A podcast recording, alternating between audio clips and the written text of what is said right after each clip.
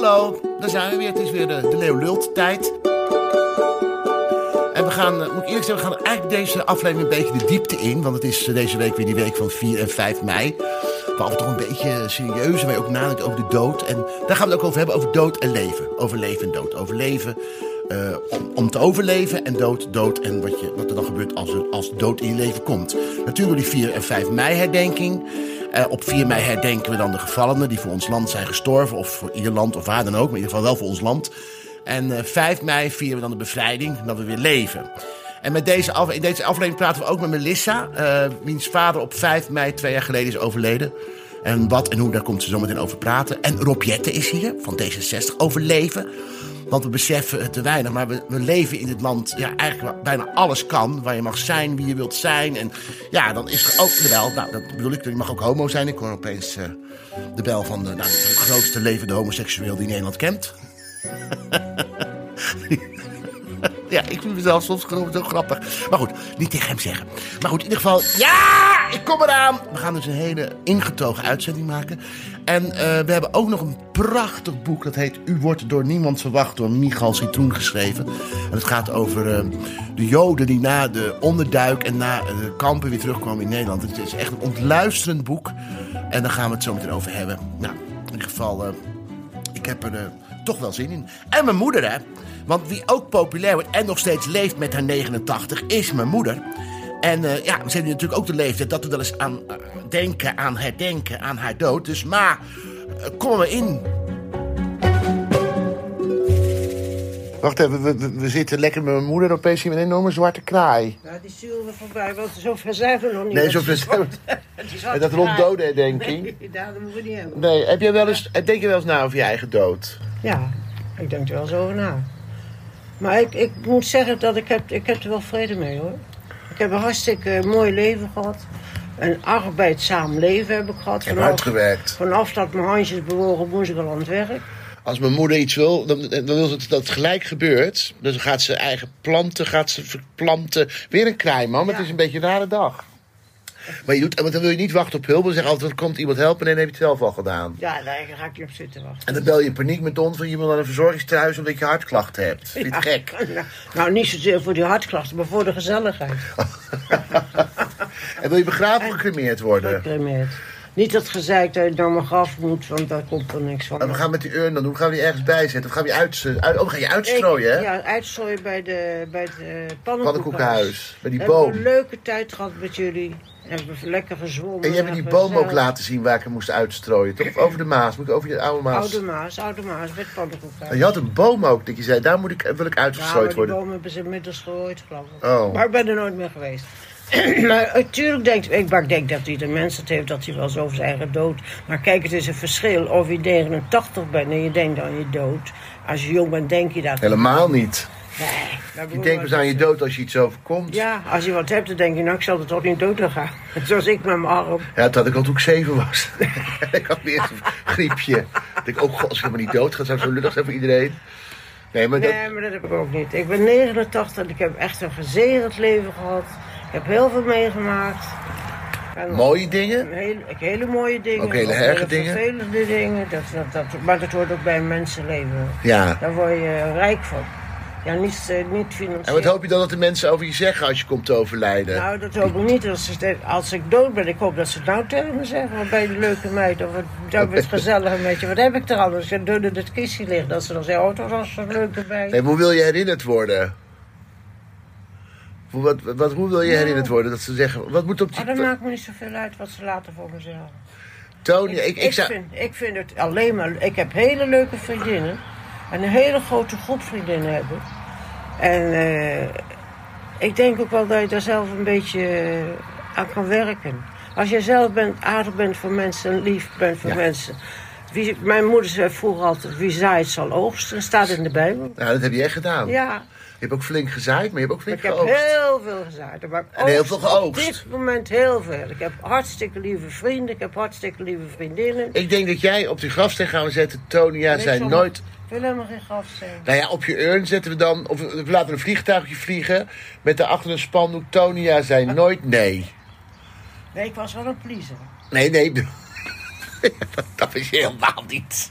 Wordt- ik sta voor precies- iedereen open. Ja, maar zorg maar dat je nog even bij ons blijft. Dat je nog niet... Ja, eh, dat ben ik nog niet van plan. Ja, je hebt niet voor het zeggen, hè? Nee, je hebt niet... Maar ik ben net als tante Marie, die is ook 102. Ik wil het ook 102 worden. En die is zo goed. hebben nog 12 Als er jaar te nou gaan. al Olympische Spelen waren, dan zou zij nog goud winnen met hardlopen met een rollator. Oké. En dat ga ik ook doen. Maar dan moet je voorstellen dat jij 102 bent. Dan ben ik eh 71. Oh. Wordt worden zielig, worden we zielig Dan kom ik duo. bij jou op visite. of we zitten samen in het bejaardentehuis. We ruzie maken. nou, mam, eh, tot later, hè. Doeg.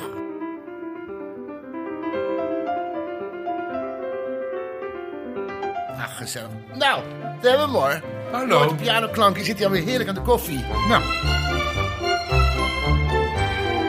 Met een heerlijke... staaf. Wat eet je? Ik weet niet wat het is, het stond hier op tafel. Oh, Ik dacht, ehm, het was van vorige week soort... Ja, dat proef je. Oh, wat leuk. Wat zag je vorige week eh, bij eh, Art Rojakkers over de vloer? Vond je het leuk met mijn moedertje Ik vond ook? het heel leuk. Ja, ik vind, je- ik vind, je- je bent ook een beetje nerveuzig dan toch? Ja? Oh, Ja, dat, vind ik dat- nee, dat heb ik helemaal Oh, niet. dat zei mijn psychiater ook. Ja, Die zei, hij was heel erg nerveus. Ik vond nee. het hartstikke leuk. Echt hartstikke leuk. En leuk om die vrouwenplek te zien, waar ik nooit geweest ben. Nee, want je zat in New York, hè? In een hotelletje. Hey, even over 4 mei. Eh, Hou jij, doe jij dan nog, nog iets aan op 4 mei? Nou, dit, eh, nee. Ja, we houden natuurlijk altijd keurige stilte. Om 8 uur. En eh, we staan er natuurlijk wel bij stil. Ehm, ik ben natuurlijk ook eh, met een man die uit een oorlog komt. Weliswaar niet onze oorlog.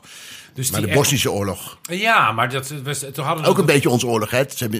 Srebrenica. Srebrenica. Nee, dat is absoluut zeker een beetje onze oorlog. Nou ja, kijk, we hadden het van de week, eh, van de week over eh, de, de- die poster van eh, eh, Forum voor De- Democratie, waar dan een soort eh doodsteken stond. Bij 2020. bij 2000 bij- en toen zei mijn man terecht, eh, Baudet mag wel eens bij ons avondje op de koffie komen en dan zal ik hem eens uitleggen wat het is als je vrijheid ontnomen wordt. Ik bedoel, ehm, dat is, vond ik, vonden wij verschrikkelijk. Dus wij staan wel altijd stil bij 4 mei en bij het feit dat we vrij zijn. Ja, dat is, dat is het belangrijkste. Dat Ja. wij de vrijheid vieren. Maar dat En- beseffen wij ons niet. Oh, de Rob Jetten komt eraan. Want Och, komt erover praten dat over nog. vrijheid. Nou, Rob Ja. Jetten is toch leuk? Heel leuk, maar ik vind zoveel visite vandaag.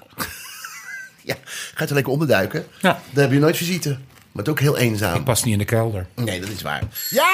Oh, het is een politicus, dus rustig. Ja, we komen eraan. We gaan even compromis sluiten. Heeft hij nou een ook, doen we dienstauto? Komt hij nu, wordt hij gebracht? Weet ik niet. Zullen we dat aan hem vragen? Op de fiets, denk ik. Rob, uit we zijn Nijmegen. boven! Ja, daar komt hij. Hi Rob. Hallo, ga lekker zitten.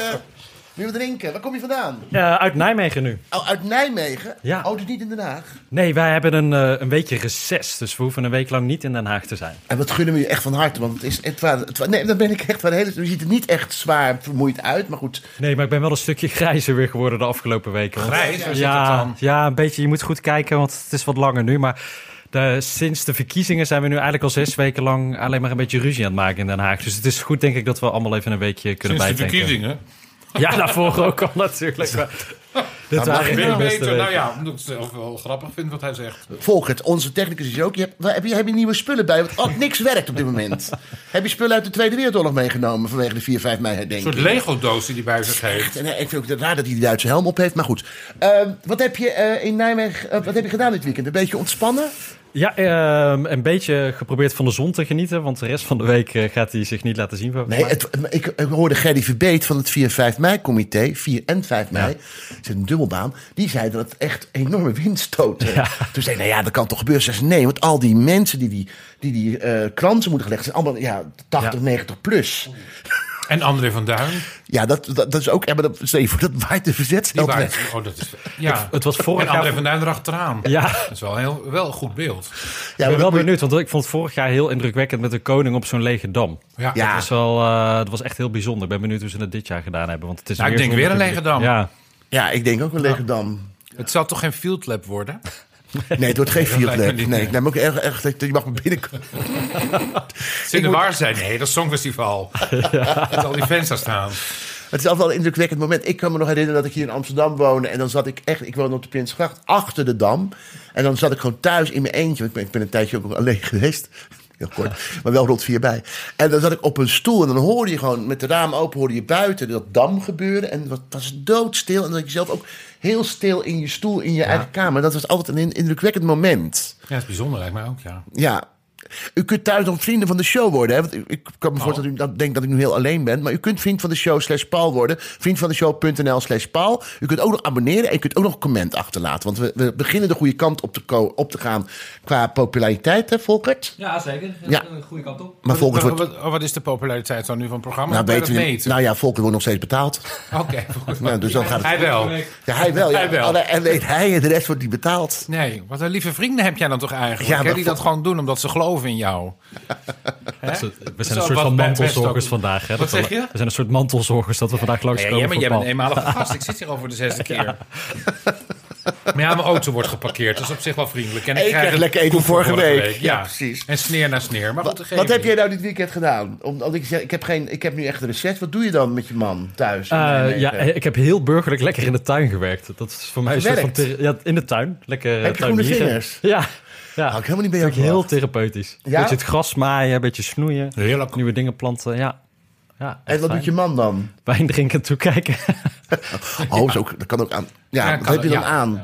Eh, nou, het was vorige week wel de naakt tuinierendag, maar ik had er toch maar voor gekozen om mijn tuinpak aan te trekken.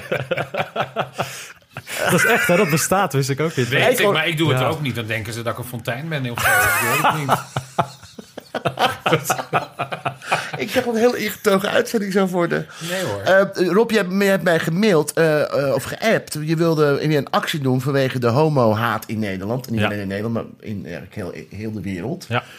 Vertel even, wat, wat, wat wil je van me? Nou, van alles. Maar in ieder geval, voor zeven- 17 mei is de internationale dag tegen de homohaat. En ik heb vorig jaar toen een video gemaakt waarin ik eh, haatberichten op social media heb voorgelezen. Oh, Om Nederland even een spiegel voor te houden wat er elke dag eh, online allemaal En we kunnen gebeurt. één keer zeggen...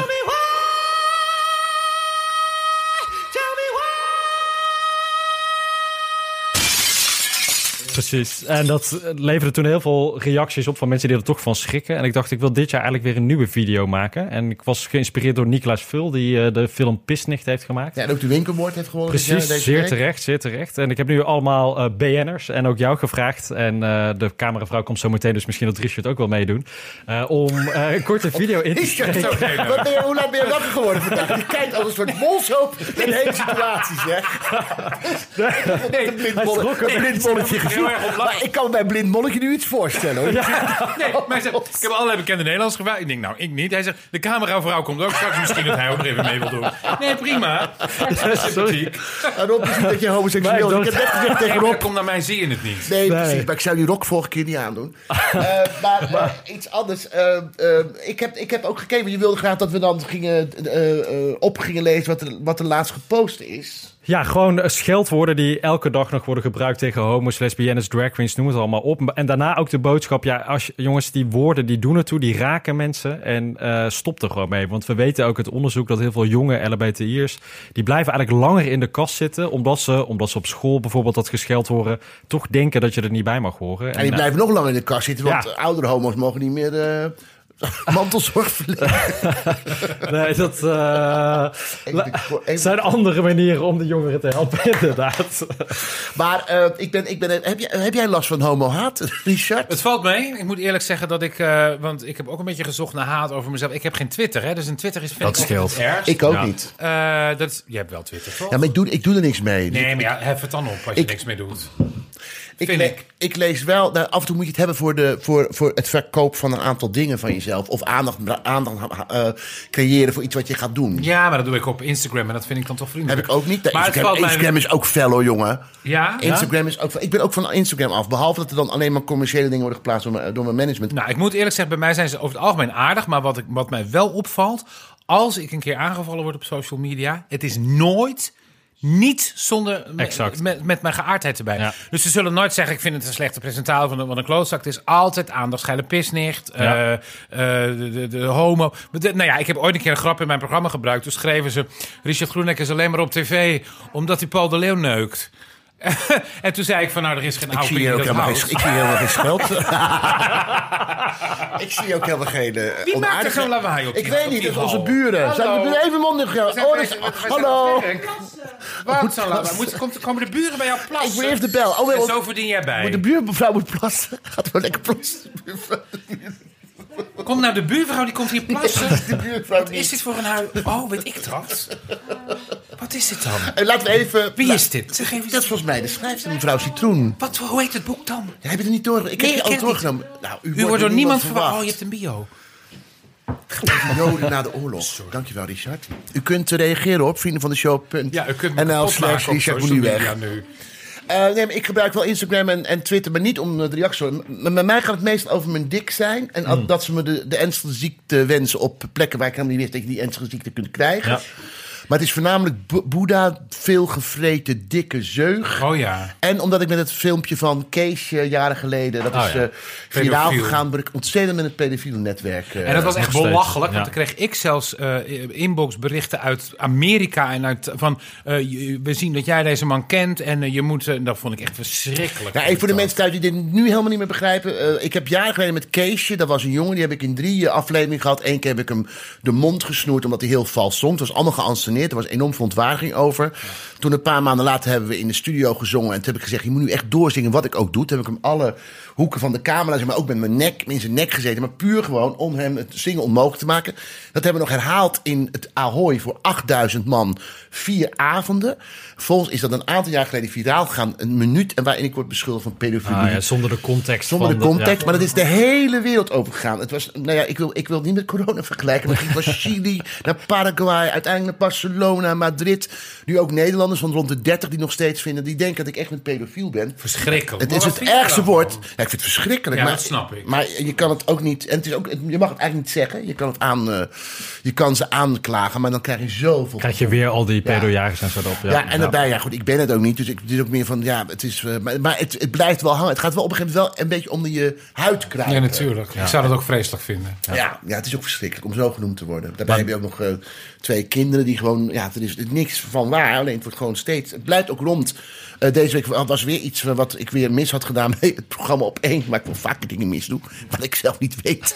Maar dat- Wat had je nu weer misgedaan? ja, ik dan? weet het niet. Ja, ik, heb, ik, ik, heb, oh ja, ik, heb weer, ik heb weer onderbroken mensen. Oh. Dat, moet ik zelf vragen stellen, maar ik Daar onderbreek... word je op zich voor ingehuurd bij op één. Maar dat is, eh, Maar ik heb geen enkele kennis van zaken. Wat doe ik naast Astrid Joosten? Maar dat, dan hoor ik en je bent ook een pedofiel. Dan denk ik, ja, dat heeft toch helemaal niks met, dat, met mijn presentatie Nee, maar het is te verschrikkelijk. maken. Het is sowieso de, de, de klimaat waar iedereen maar alles zo kan zeggen. Dat alles, en wat ook de pest is, als je een interview geeft in een gerenommeerd blad of in een goede krant of zo, er wordt heel erg over nagedacht. Dan halen ze daar stukjes uit en daar maken ze een eigen stukje van. ja. Ja. Dat- Ja. En, en, en, en dan gaan mensen daarop nieuws. los, Ja. weet je wel. Dus, maar ja, we mogen ook weer niet klagen, want het is allemaal, eh allemaal dag. Dag mevrouw Citroen. Ga lekker zitten, u mag daar zitten. Want dat is mevrouw Citroen van het boek. U wordt door niemand verwacht. En thuis, Sorry hoor, ik dacht dat u de buurvrouw was en dat u kwam plassen. ze komt ook uit Rotterdam. Oh, echt? Ja. Ach, had je mee kunnen rijden? Nou ja, Nou ja. Ben je met, wat gedoe hier hè, in die stad. ben je met de auto? Ja? Ja, dit, dit is Rob Jetten. Hoi. Hallo. eh, Kamerlid en homoactivist. Goed dat je het zegt, ja. Anders had ik het nooit geweten. Nee, en dit is Volkert, gaan aangenomen zo. Hoi, hallo. En dan hebben we nog eh, Richard Groenendijk. Ja, hoi. Hallo, hoi. En dit is Micha, Michal Citroen. En ze heeft een prachtig boek geschreven. Eh, het is eigenlijk heruitgegeven. Het is een oud boek uit de jaren negentig volgens mij. Ja, maar wel veel dikker. Ja, veel dikker. En Ja. het is een ontluisterend boek over wat is gebeurd met de Joden die terugkwamen uit de onderduik of uit de kamp. En ik heb, eh, ben erg onder de indruk van het boek. Wil ik graag zo meteen met u. Gaan we tutoyeren? Ja, alsjeblieft. Ga, wil ik zo meteen graag met je over hebben. Wil je koffie of wil je thee of wil je water? Jenever. Ja, koffie heel graag, ja. En melk of zwart? Eh, met alles erin. En de ook zoute suiker. stengel van vorige week? Hier staan. We zijn nog even met Rob Jetten bezig over homo-haat en Homo-haat. eh, over eh, eh, Kamerlidschap, lidmaatschap. Maar jij vindt dus eigenlijk dat, dat mensen meer gecorrigeerd moeten worden of gecensureerd moeten worden. Nou, ik vind dat mensen dus moeten nadenken voordat ze zomaar iets roepen. En dat ze bijvoorbeeld, als je dan kijkt naar dat filmpje van jou, een filmpje van 15 seconden, wat totaal uit de context is. Als je die hele show hebt gezien, weet je dat het zo niet is. Ik moet zeggen, in deze tijd zou je er misschien over nadenken om nog zo'n scène te Zeker, zeker. Maar de tijd is dan ook veranderd. Dat hetzelfde, dat alle dingen. ik bedoel, Er is nu een programma dat heet Goed Fout. Ik denk dat je heel veel fragmenten uit mijn uh, Schreeuw van de Leeuw carrière zou kunnen vertonen. Ja. Onder het mom, kan dat vandaag de dag nog? En wat ik ook denk, maar dat is misschien een hele andere discussie. Wat ik ook merk en wat ik ook lees vaak uit die uh, uit negatieve reacties. Er zijn zoveel mensen niet gelukkig met hun leven. Ja. Die zijn, dus, dus, en dan zien ze ons of zo. Dan denken ze, nou, die hebben het waarschijnlijk. Hè, de- dus dan gaan ze, daarop, op, op, gaan ze daar tegen in. Want ik geloof, als je lekker met je poot in de klei staat en je doet wat met je leven, heb je helemaal geen tijd om op internet Ja. te schrijven: Rob Jetten is een vieze flikker. Nou, ik, ja. ik, ik pik er af en toe wel van dat soort berichten uit om toch te reageren. hè. Dan hebben mensen een politiek debat zitten bij. kijken. Het draait bijna altijd bij, inderdaad. Dan is het, krijg je toch nog even excuses voor het gescheld in de vorige mail en zo. En dan blijkt er een, een droevig verhaal achter zitten, te zitten. Of iemand die nou ja, heel erg ongelukkig ergens mee is. Maar Ja. dat, ik probeer mensen er toch op aan te spreken. Je mag het dan met me oneens zijn, maar hou de volgende keer je homo-haat lekker thuis. Ja. wat ik ook vaak kijk is naar een reactie. Dat ze me dan weer alle ziektes wensen op plekken waar je niet weet dat je die ziekte kunt Ja. krijgen. Dan ga ik kijken hoeveel volgers ze hebben. Dan zijn er maar elf. Oh ja. Ook een beetje Dat is ook- dan ga je ze volgen.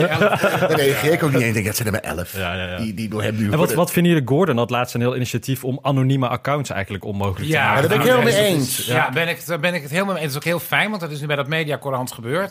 Het is wel grappig dat hij dat zegt. ik heb bij vrienden en kennis wel eens appjes gelezen dat je denkt, nou, dan vliegen de ziektes ook eh, om je hoofd. Ja, ja, Ja, ja. we hebben nog een gast. Dus, eh, Hallo, nog een Melissa.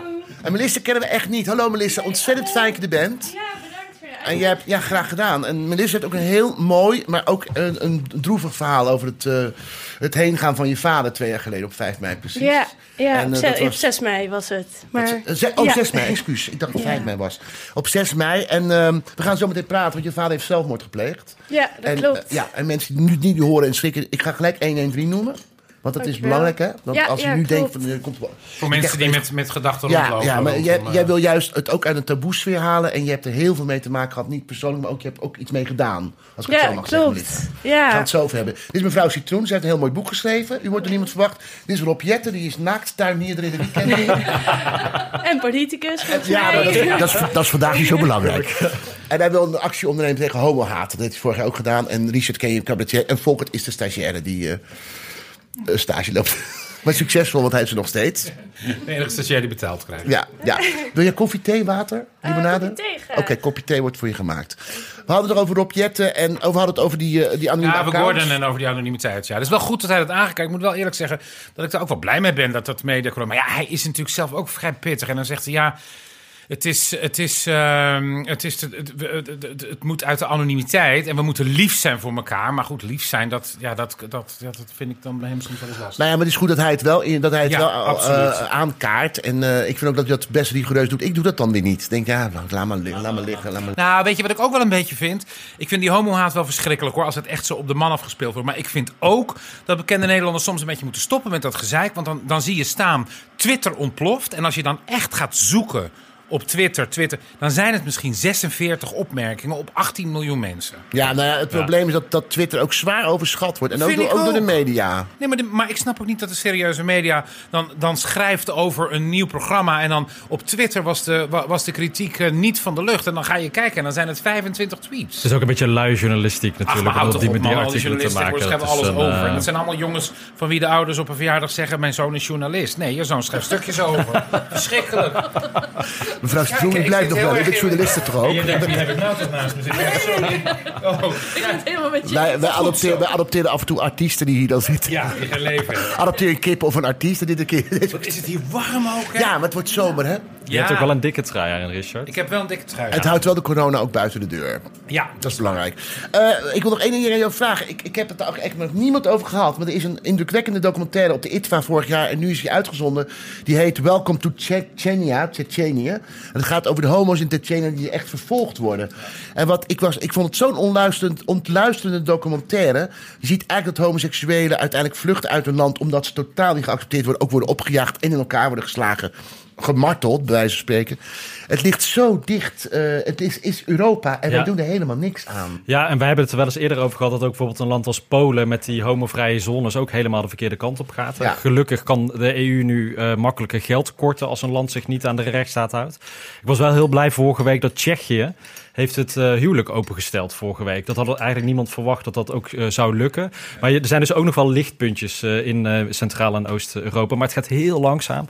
Met name Polen en Hongarije eh, en, en, en Tsjetsjenië, de Caucasus, is echt de laatste jaren eh, helemaal de verkeerde kant op. Ja, en dat zie ik niet echt de goede kant op, Nee. op, op, op raken. En steeds, het wordt er ook steeds bedreigend, ook hier in dit land. We, we, we dalen steeds naar beneden qua homoacceptatie. Uit de top of, 10 eh, uit de top wereldwijd. 10, En ja. hoe komt Ja. dat, Rob?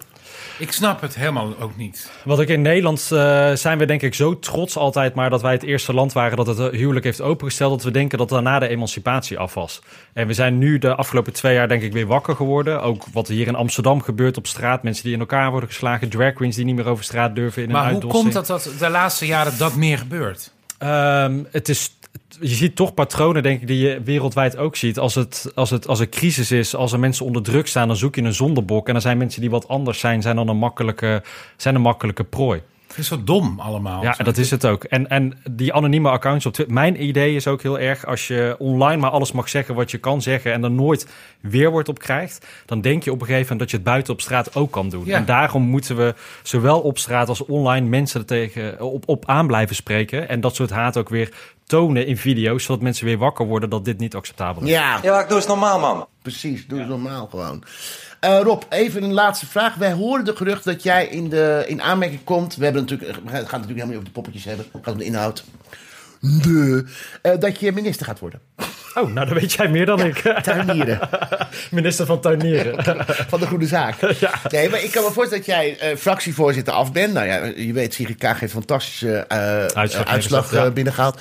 Ja, ik neem aan dat jou toch iets beloofd is. Of wil je weer fractievoorzitter? Als Ehm, Sigrid Kaag terug gaat nou, in de regering. Nou, wij, Sigrid en ik zijn er nu vooral op gericht om na al die weken met debatten over vertrouwen nu ook echt te gaan onderhandelen met een aantal partijen. We willen zo progressief mogelijk kabinet hebben. En dan gaan we daarna kijken wie van ons eh, welke rol gaat pakken. Oké, nou dan... Ja, eh, heel politiek correct antwoord. Heel mooi antwoord. Ja. Dan gaan we, even, we gaan even een klein muziekje doen en zijn we zo meteen bij u terug, lieve mensen.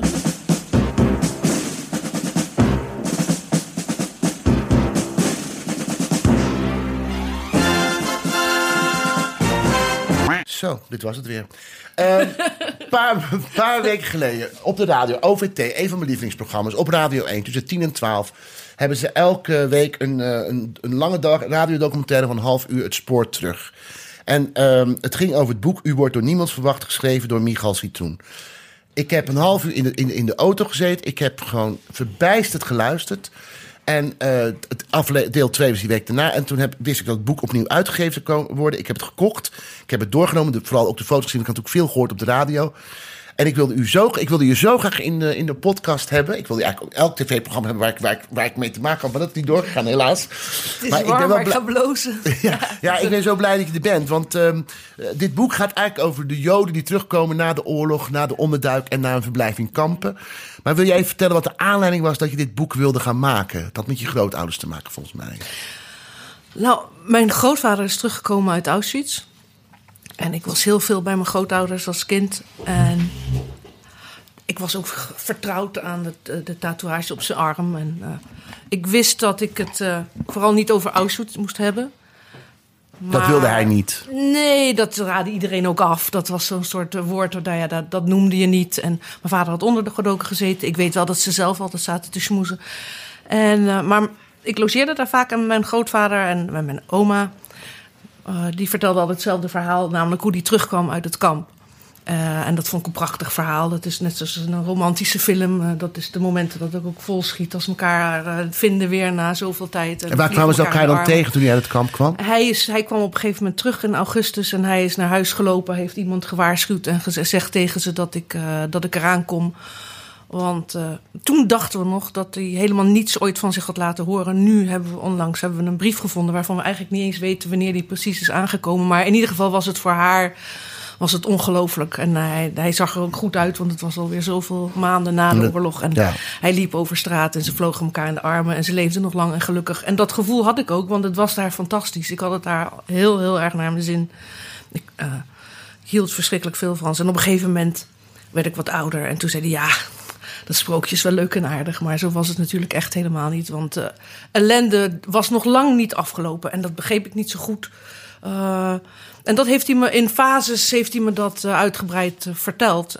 Met altijd dezelfde zinnen. Ik heb hem ook nog op een gegeven moment opgenomen. Ik heb een heel oud Ja, dat is fantastisch om te luisteren. Heb je, oh ja, ja, hij is helemaal opgekrikt. Ja. Is die, want het was echt, het zijn zo'n hele oude cassetten waar, waar je bijna geen geluid meer komt. En gelukkig. Hebben ze gerestaureerd een En, beetje? eh, ja, een, een, Oh, een technicus waar ik altijd mee werk, eh Berry Kamer, die heeft dat echt prachtig weer, ja, toch zo gekregen dat je hem verstaat. Dus ik, ik wilde het vroeger nooit horen, omdat zijn stem zo, eh, emotioneel is om hem weer te horen. Maar dan zegt hij altijd hetzelfde. De Nederlanders hebben zich schunnig gedragen. Ja, En, en wat hij dan vertelt, nou ja, dat is heel kort samen te vatten als.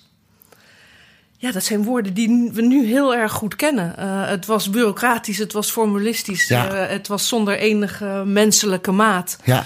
En het was schunnig in de zin van dat ze inderdaad tegen hem zeiden van... joh, goh, citroen, ben je er weer? Zijn ze vergeten je te vergassen? Oh, verschrikkelijk. Ja, of eh, wordt door niemand... wat, wat, wat, wat, wat kom je hier je Eh, doen? hoezo heb je het erg gehad? Wij, je hebt de hongerwinter niet eens meegemaakt. Wat zeur je? De belasting vroeg over wat hij verdiend had. Ja, verdiend had. Ik ja, of hij nog de bonnetjes van... na de oorlog. Of hij nog de bonnetjes van voor de oorlog eh, ja, kon, dat was eh, meneer Benjamins, ja. onze Rotterdamse Ja, eh, zijn ja. lot. Want wat ik op een gegeven moment gedaan heb, is die verhalen. Ja, ik geloof het in hem wel, maar ik, ik ging geschiedenis studeren en ik dacht, ik wil weten of dit een algemeen beeld is. Heeft hij nou pech gehad? Of is dit. eh, en nou ja, ik heb intussen zo verschrikkelijk veel mensen gesproken. Zoveel verhalen gehoord en dat ben ik blijven doen. En daarom is er ook weer een, een nieuwe versie. Want de, de Ja, want dit boek- zo'n 20 jaar geleden. Dit boek is eigenlijk een verzameling van allemaal mensen met hun, eh, met hun ervaringen. Ja, en er is ook veel meer onderzoek gekomen. Dit onderwerp van wat is er eigenlijk gebeurd na de oorlog... en dat zie je eigenlijk nog steeds wel. Als je kijkt naar de documentaires op 5 mei... die houden allemaal op bij de bevrijding. Ja. En de bevrijding is... En, en zo dacht ik er vroeger ook over, vrij naïef... van god, de bevrijding is iets prachtigs. Zie je, mensen gingen juichen, mensen kwamen terug. Ja. Jee, het is eh, En gedaan. wees blij dat je het overleeft. Wees blij Maar dat dan je het begint het pas. Ja, maar voor het verschil is, en, en dat is complex, omdat in, in het beleid bijvoorbeeld, waarom is het gegaan zoals het gegaan is? Deels omdat de Nederlandse overheid zei, ja, we gaan nu ophouden met het onderscheid te maken tussen Joden en niet-Joden. En dan denk je, oh, nou, dat is eh, mooi, dat is chic, maar dat is natuurlijk ongelooflijk dom Ja. en, misschien zelfs wel opportunistisch. Ja. Want op het moment dat je dat doet, ga je voorbij aan die geschiedenis. En mensen die terugkomen. eh, Kijk, Dachau voor de verzetsmensen was echt. eh, was, je, je moet leed niet vergelijken. Maar was natuurlijk ook verschrikkelijk. Maar als ze thuis kwamen, dan was er misschien nog wel een gezin en een familie en een Ja. huis. En dan was er. zij waren hele je het goed kwijt. ge- Zij waren alles kwijt, Richard. Alles. En ze Dus- komen dan in, in het bekrompen Nederland. Want ik wil een paar dingen met je bespreken over Sorry, ja, de. Nee, nee, nee, heel veel. Ik, ik wil alleen maar dat mensen enthousiast worden. En ik bedoel goed enthousiast dat ze het het boek boek willen lezen, lezen, omdat ja. het geschiedenis is. Maar ik wil een paar dingen met je bespreken wat mij opviel. Want, want kijk, mensen, ja, die wisten toch wel dat de Joden niet welkom waren. Maar dat, je weet helemaal niet hoe erg en hoe indrik, eh, eh, indringend het is. Zeker met de, bij, eh, de, de toeslagaffaire nu. Dit heeft hetzelfde. Zou je het passief en actief verzet willen uitleggen? Over, het ging over toelages. En dan zeiden ze Oh. of je passief Ja, ja, ja. verzet had of actief verzet. Nou ja, kijk, de mensen die in het verzet zijn. eh, na de oorlog is Nederland daar heel eh, blij mee om te kunnen zeggen. Goh, we hebben zo enorm veel verzet gepleegd. Hè? De- Na de oorlog, of aan het einde van de oorlog, blijkt ook opeens iedereen partij te zijn geweest eh, bij het bezet, eh, verzet en mee te hebben gedaan. En dan ontstaat er na de oorlog het van... ja, we moeten wel wat doen voor die mensen uit verzet. Niet altijd trouwens gaat dat even makkelijk hoor. Want mensen bijvoorbeeld die in dienst waren... die krijgen na de oorlog te horen. Want zo was de samenleving wel. Van ja, je was in dienst, je bent in het verzet gegaan... je bent opgepakt. Hoezo? Je hebt toch nooit de opdracht gekregen om in dienst te gaan? Dus, dus het was op alle fronten natuurlijk een, een andere samenleving... dan die we nu kennen. Maar van de Joden werd natuurlijk gezegd van... ja, je bent, eh, je bent, dat hebben wij niet gedaan. Dat Nee. hebben de Duitsers gedaan. Ja. Dus je hebt je aangemeld, je bent gegaan. Dat was natuurlijk sowieso het verhaal van kijk, ze is gaan als makke schapen. Zonder dat mensen natuurlijk eigenlijk überhaupt nooit nadenken over het systeem waarbij mensen zijn geïsoleerd. eh, eh, eh, alles kwijt waren en vervolgens niet anders konden. Dan, Alle dus na de oorlog is het verzet, dat zijn de helden. Daar wordt dus nagedacht over een verzetspensioen. En eh, eh, dat is dan het actieve Actief verzet. verzet. Kijk, we hebben, hè, die hebben gevochten tegen Ja. de Duitsers. en de Joden, niet vanwege passief dus die, verzet. die komen niet in aanmerking eh, voor, voor, een, voor een uitkering. En dat duurt dan tot in de jaren zeventig voordat mensen bedenken van. Het is dubbel natuurlijk. Aan de ene kant van die mensen zijn kwetsbaar. Dat zijn eh, eh, slachtoffers van wat er gebeurt. Dus de overheid heeft in ieder geval niet voor ze gezorgd. Want dat is, ja, daar kan je niet omheen. Eh, Nederland heeft natuurlijk meegedaan. De NS heeft eraan verdiend. De Amsterdamse politie heeft meegedaan. Mensen hebben erbij gestaan. Mensen hebben ze aangegeven. Noem het allemaal maar op. Dus om nou te zeggen, de Duitsers hebben het aan natuurlijk. Ja, de Duitsers hebben het gedaan. Nederland heeft eraan meegedaan. Heeft er deels ook aan verdiend. Hè, maar ehm, Ja, voordat dat besef komt dat daar toch een soort zorg misschien bij hoort, dat duurt dus tot 30 jaar. Het heeft heel lang dat duurt geduurd. toch dus heel erg lang. En En, in het- dan nog, want dan hebben we het over bureaucratie, formalisme en weet ik wat. Je moest dus weten wat mensen moesten doen om in, in aanmerking te komen voor een WUF, wet de uitkering voor Ik heb er helemaal nooit bij stilgestaan. Dat is echt verschrikkelijk, Maar man. ik ga nog even wat andere dingen doornemen, Michal. Want ook het, het- dat- in, na de bevrijding in Nederland... Ja, ik, ga ik eerder onderbreken, want ik wil nog meer dingen laten Ja, horen. Eh, na de bevrijding denk je, en dat, heb je ook, dat komt ook in die documentaire prachtig naar voren... mensen komen dan Nederland binnen...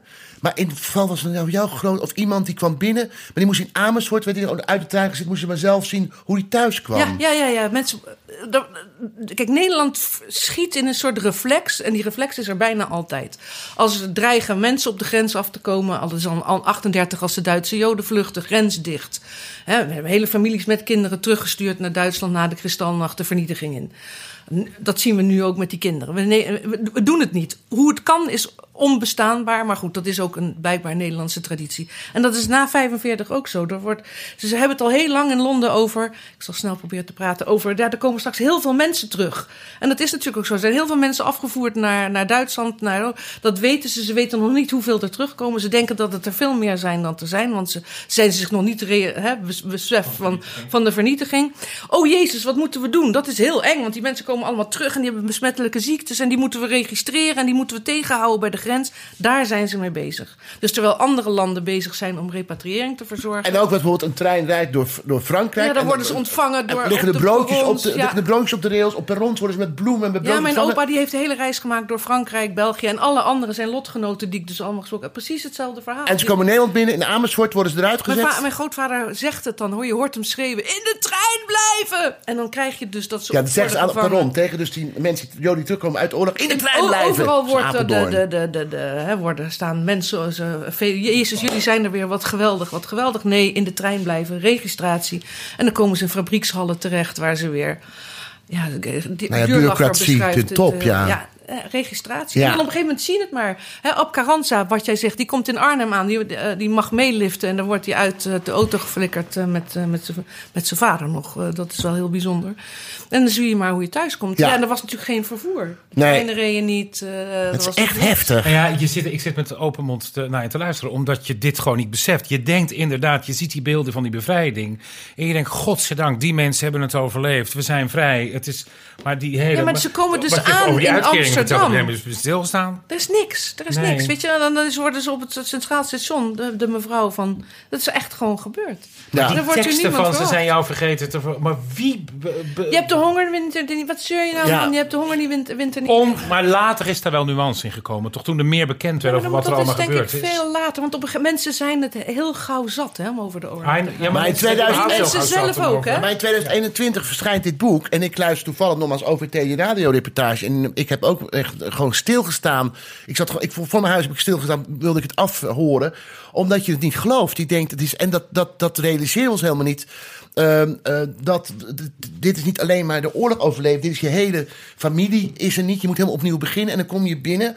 Nou ja, je, hebt, je hebt talloze voorbeelden van mensen die zien gewoon, die drinken koffie bij een gezin. Dat zijn, dat, zijn de, dat zijn de lepeltjes van mijn ouders. De koffielepeltjes van mijn ouders. Oh, die krijgen ze niet ja. terug. Het zijn ook goede mensen. Hè? Dat, dat, dat vertel Er je zijn ook. ook mensen, er zijn uitzonderingen. Maar dat is het prachtige verhaal van Marga Minko. Het adres, wat iedereen een keer moet lezen. Want ik denk dat het is echt een van de mooiste stukken die daar ooit over geschreven is. En inderdaad, die, die, die, die- maar er zijn, daar, daar komt ze thuis en er zijn allemaal spullen. Maar er zijn ook andere mensen die zien, die, gaan daar, die kloppen aan. En dan zien ze de man des huizes zien ze in het pak van die vader die, die dood is. Eh, net zoals alle Dat zijn andere vreselijk. familieleden. Nou, je vertelt het nu. Opeens schiet mij een verhaal te binnen Bewariërs. van Jeremy Baker. Die ken je wel, hè? Die schrijver. Ja, of dat is eh, ja. acteur. En die had een, een, een oud-tante, Joost Citroen heette die. En die kwam terug naar de oorlog. En daar lag de, haar nieuwe vloerbedekking, die zijn net Ja. voor de... lag bij de buren, bij haar eigen buren, waar ze al jaren naast waren. En toen zeiden die buren gewoon, wij kennen jou helemaal niet, joh. Waar heb je het over, joh? Ja. En er, er wordt dus niks, niet zoveel aan gedaan. Hè? Want de Nee. Amsterdamse politie die wil niet meedoen. Er is één agent die ze toch al een beetje hè, buitensporig vinden. En die zet zich daarvoor in. En die Ja. gaat mee. De Belgen deden dat heel anders. Dan zeiden ze, krijgen niet terug. Dan zeiden ze, wat? Oh, nou, dan sturen we gewoon een militair mee. Kijken of je het dan terug... Ja, maar en ook het verhaal wat je vertelt, dat, we ook, dat ook een, Joods overleden komt haar wijk binnen en er komt gelijk iemand op de af met Ja. het schilderij van haar ouders. Dat gebeurde die, ook. Die uitzonderingen zijn maar die ook. dokter, die, eh, die dokter. Ja, dat is ook een verhaal. Dat kort, moet je dat verhaal vertellen? Niet omheen, maar dat verhaal. Toen, Dokter Elsas is huisarts. Oh, zo heftig. En die moet onderduiken. En, Met zijn vrouw, volgens eh, mij? Met zijn vrouw, ja. En die kinderen.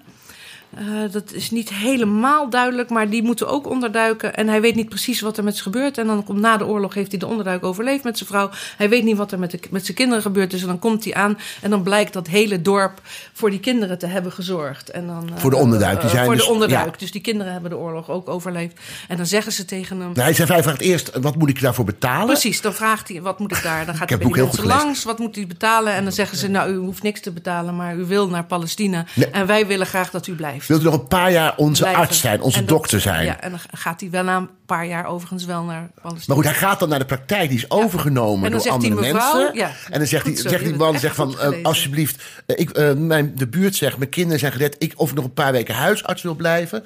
Dat, dat, dat ze- dan zegt de nieuwe dokter die in het huis zit, zegt, dat is goed. Waarop zijn vrouw zegt, Wij hebben ook altijd pech. Wa- Of, of een, ook een, een veel, veel gehoor. Waarom moest mijn Jood terugkomen? Oh, verschrikkelijk. ja, en je zegt, ik, de tranen schieten in mijn ogen, want we lachen wel. Maar het is in deze tijd, maar het is onvoorstelbaar. Ik, mensen hebben vreselijke dingen gezegd. Het is ook bijna gewoon Maar niet weet, te je, geloven. het is soms je- heel moeilijk om, om na te denken over waarom mensen zo doen. Hè? Dat is een hele lange zoektocht. maar waarom zouden mensen zo doen? Nou ja, dat, ga- dat ga je je afvragen. Zijn mensen dan zo... Is, is onbeschoftheid of, of het gebrek niet aan blij, empathie... niet blij. Gewoon. Is dat zo vanzelfsprekend? Hè? Want Ja. jullie hebben het net over hoe mensen elkaar bejegenen. En dan denken we, goh, we zijn in een uitzonderlijke samenleving terechtgekomen... waar mensen dat soort dingen durven te zeggen. Misschien door het... Nou ja, goed, dat is een ander verhaal, door het gemak ervan. Maar mensen waren helemaal niet zo aardig vroeger tegen elkaar. Hè? Zeker niet als je Maar mensen zijn nog steeds niet aardig tegen elkaar. Binnen de, ja, maar mensen waren wel openlijk vrij heftig, Ja. onbeschoft. Maar wij zijn ook wel een heftig land, vind ik. Ik vind als je naar België gaat, inderdaad, je noemt dat nou net, en daar is ook zat ellende. Maar wat zeg je? Daar zijn ze stiekem, daar Ja, maar zeggen ze laat ik, laat ik iets. Maar, dat, weet je, dat er is altijd een keerzijde. Hè? Ik denk, als me- mensen nu denken: van waar komt dat vandaan? Waar is de menselijke maat? Jullie hebben het daar de hele tijd over in het parlement, eh, meneer Jette. En, Ah, zeg eh, maar Rob. en dan, en nee, maar- de jongste van de hele tafel. Dan eh, eh, eh, vervolgens is het, is het altijd van... Goh, eh, zie je de stuk in de kranten nu. Vanaf wanneer is dat? Is dat nou Rutte 1, 2 of 3 of Balkenende, weet ik veel hoeveel? Ik denk dat dat, dat dat een Nederlandse traditie is of een Nederlandse gewoonte. Het is niet mijn vak, ik ben geen bestuurskundige. Maar het is niet nieuw. Ik vind het is heel interessant ook dat patroon wat u benoemde. Want eh, natuurlijk is de Tweede Wereldoorlog wat met de Joden is gebeurd. En hoe de Nederlandse staat en de gemeentes daarmee om zijn gaan is heel erg. Maar ik herken ook wel eh, bijvoorbeeld de terugkomst van knilmilitairen. De Molukkers die Ja. naar Nederland kwamen. Ja, Eh, en daar mag je eigenlijk ook niet over beginnen. Hè? Dat, ik merk dat in de Nederlandse-Indische gemeenschap... die nu, die jonge generatie die nu klaar is om te praten over... hoe die eerste jaren in Nederland waren... dat die ook nu de reactie krijgen... ja, daar moeten we het niet meer over hebben. Dat is al zo lang Ja, maar geleden. dat is ook weet je, zo dat moet je- makkelijk ja. om dat altijd Ja. te zeggen. Van ja, daar moeten we het Dus nou wel eens een keer klaar, ja. Maar er zijn lessen uit te Exact, leren. exact. En, en het, het, het is met zoveel dingen. Ik ben echt, ik, ik begrijp gewoon niet. Zo iemand als Rutte, hè, die er toch prat op gaat. Ik, oh, kijk, mij is historicus zijn. Er zijn lessen te leren uit die tijd. En er zijn herkenbare patronen waarbij dat, hè, de zorg voor de kwetsbaren. Dat is, dat, dat, dat is er niet. Ja, Eh. ik wil toch weer even terug naar het boek. Want dit is, een, dit is een discussie die we kunnen gaan voeren. Maar ik vind het toch belangrijk om, dit, om nog even de nadruk op dit boek te leggen. Want in het boek komt er ook nog een, een moment dat, dat er wordt gezegd door een, eh, een mevrouw die zegt... eigenlijk moeten we zorgen dat in de toekomst de bestuursstructuur... dat er minder Joodse mensen op één plek werkzaam zijn. Of zeg ik dat eh, te, te kort door de bocht? Nee, dat, dat, dat antisemitisme dat is natuurlijk gewoon niet weg. En dat is dus na de oorlog, hè, wordt dit- Er is een Joods geopperd. probleem. Dat, en dat Joodse probleem, dat vinden mensen nog steeds. Want dan denken ze, oh, als er aandacht is voor Joden, dan, oh jeetje, laat er niet te veel aandacht zijn voor Joden, want dan eh, doen ze weer mazzel. Dat is echt zo'n kreet. Dat Ja, dus er verschijnen wel een aantal dingen in de, in de pers. Eh, ja, dat, dat, dat- weet je, ik, heb, ik weet dat ik een keer de, een programma maakte hierover. En toen was iemand heel erg boos, want ik had dat gedaan op een verkeerde datum. Een datum waarbij ik eigenlijk aandacht had moeten besteden aan de, in de Indische mensen die terugkwamen, 15 augustus, einde. En eh, toen was er, die, die was heel erg boos, want ja, dat, dat kwam omdat er te veel Joden bij de VPRO werkten. Dat ik die kans had gekregen om dat te doen. En toen zei ik tegen mijn uh, tegen eindredacteur van, god, dan moet jij maar antwoord op geven. Want als ik dat doe, dan zeg ik, zeggen, nou, doe de radio uit, uh, ga Ja, iets anders doen. ja. Uh, dus die had daarop gereageerd. Toen zeiden ze, ja, maar we begrijpen wel waarom u reageert. is- Dat, komt omdat u besmet bent door al die Joden Ja, die bij de radio werken. ja. Dus weet je, ja, het is... Eh, maar goed, het is opvallend dat dit is dan een hoofdstuk wat net na de oorlog speelt. Ik geloof dat het dit speelt in, de in begin jaren Ja, 50. maar er zijn heel veel mensen, dat, ook toen ik die, die- dat eerder dat programma uitzende, dan zijn er mensen die zeggen van ja, maar de Joden waren ook helemaal niet dankbaar genoeg na de oorlog. maar dat kan toch En de? Joden hadden weer een grote mond na de oorlog. Ja, nou ja, Eh, dat, is, dat, dat is met dit boek. Als je dit boek hebt gelezen, is dat in één klap weg. En leer, eh, leer je iets. Ik bedoel, ik, ik bedoel, je bent zoveel jaar na de oorlog. Leer je nog wel eens wat van. Hè? Je, hoort heel veel verhalen, maar dit boek. En ook als je geen zin hebt om te lezen. Ik weet, eh, podcast, dat lezen steeds meer een, een uitstervend eh, vak is of een hobby.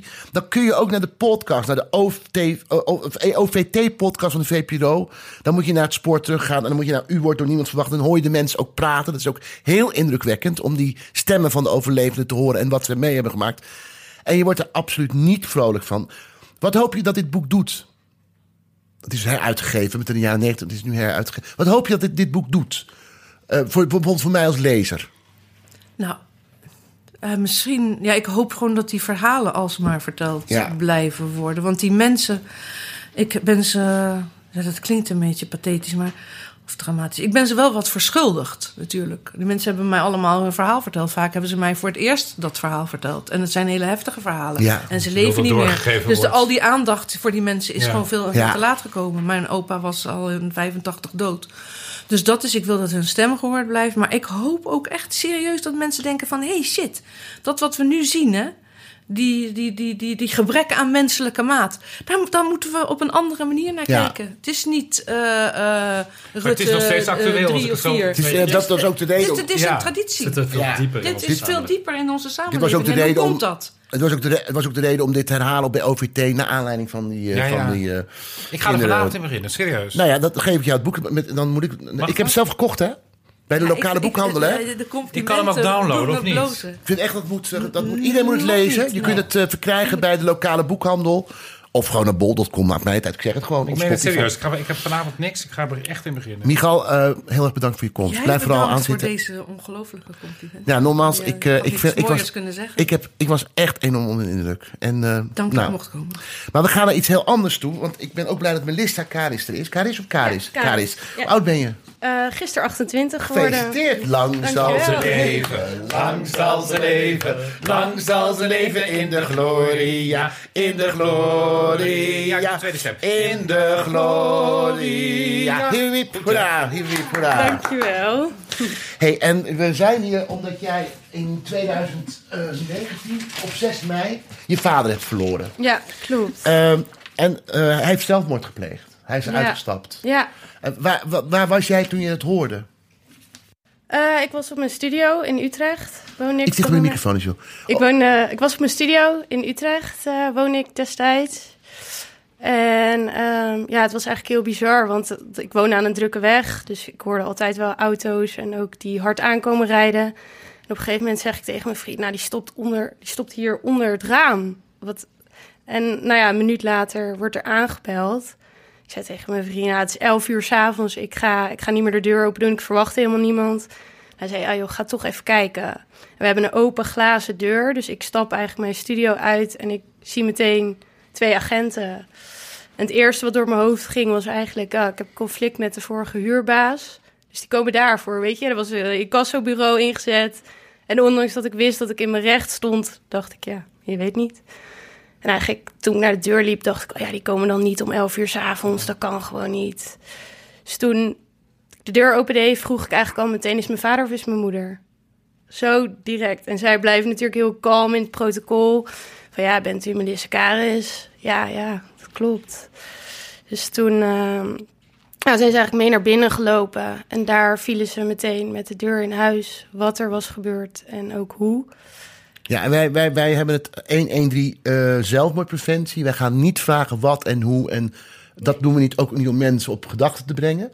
Maar ik wil, want waarom zeg ik dan mijn vader of moeder? Je wist wel gelijk dat één van de twee iets ergers overkomen. Ja, dat was, ik denk dat het een soort instinct is. Ja. Dat je meteen in de gaten hebt van dit, dit moet mijn ouders zijn. Ja. Ik heb geen broertjes of zusjes, dus ja, dat, dan is dat al de logische gedachte eigenlijk. En was hoe, hoe was je band met je vader toen je het hoorde op dat moment?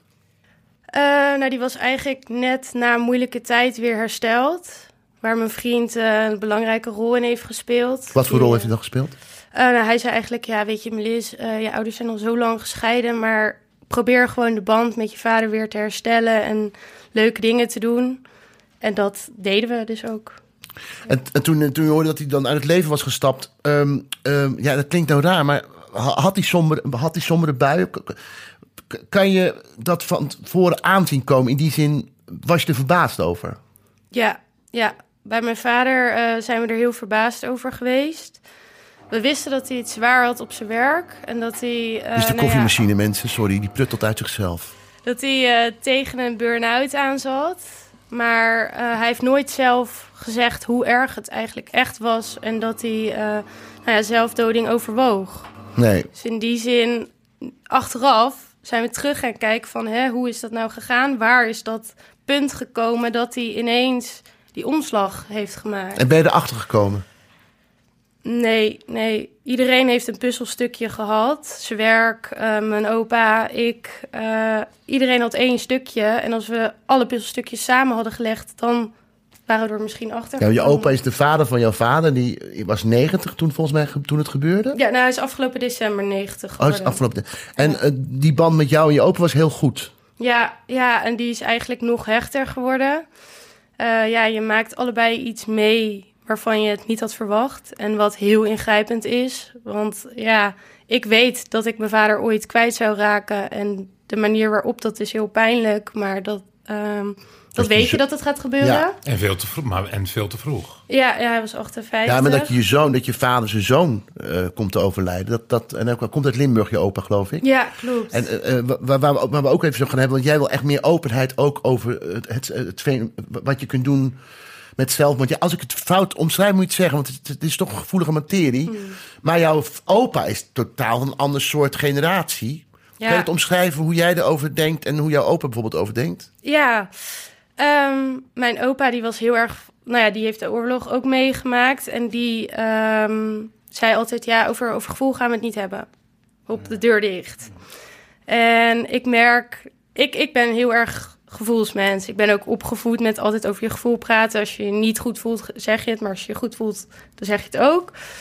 Ehm, en ik denk dat we elkaar daarin ook wel wat leren. Want hij heeft mij geleerd van ja, je moet niet tegen iedereen hierover praten. Dus je moet je moment afwachten. En ik heb hem eigenlijk geleerd om er iets opener over te zijn. Want anders dan houdt hij het heel erg voor zichzelf. Hij heeft ook aangegeven van jij bent eigenlijk de enige met wie ik dit kan bespreken. Want ja, mensen in de kerk zitten er niet op te wachten. Nee.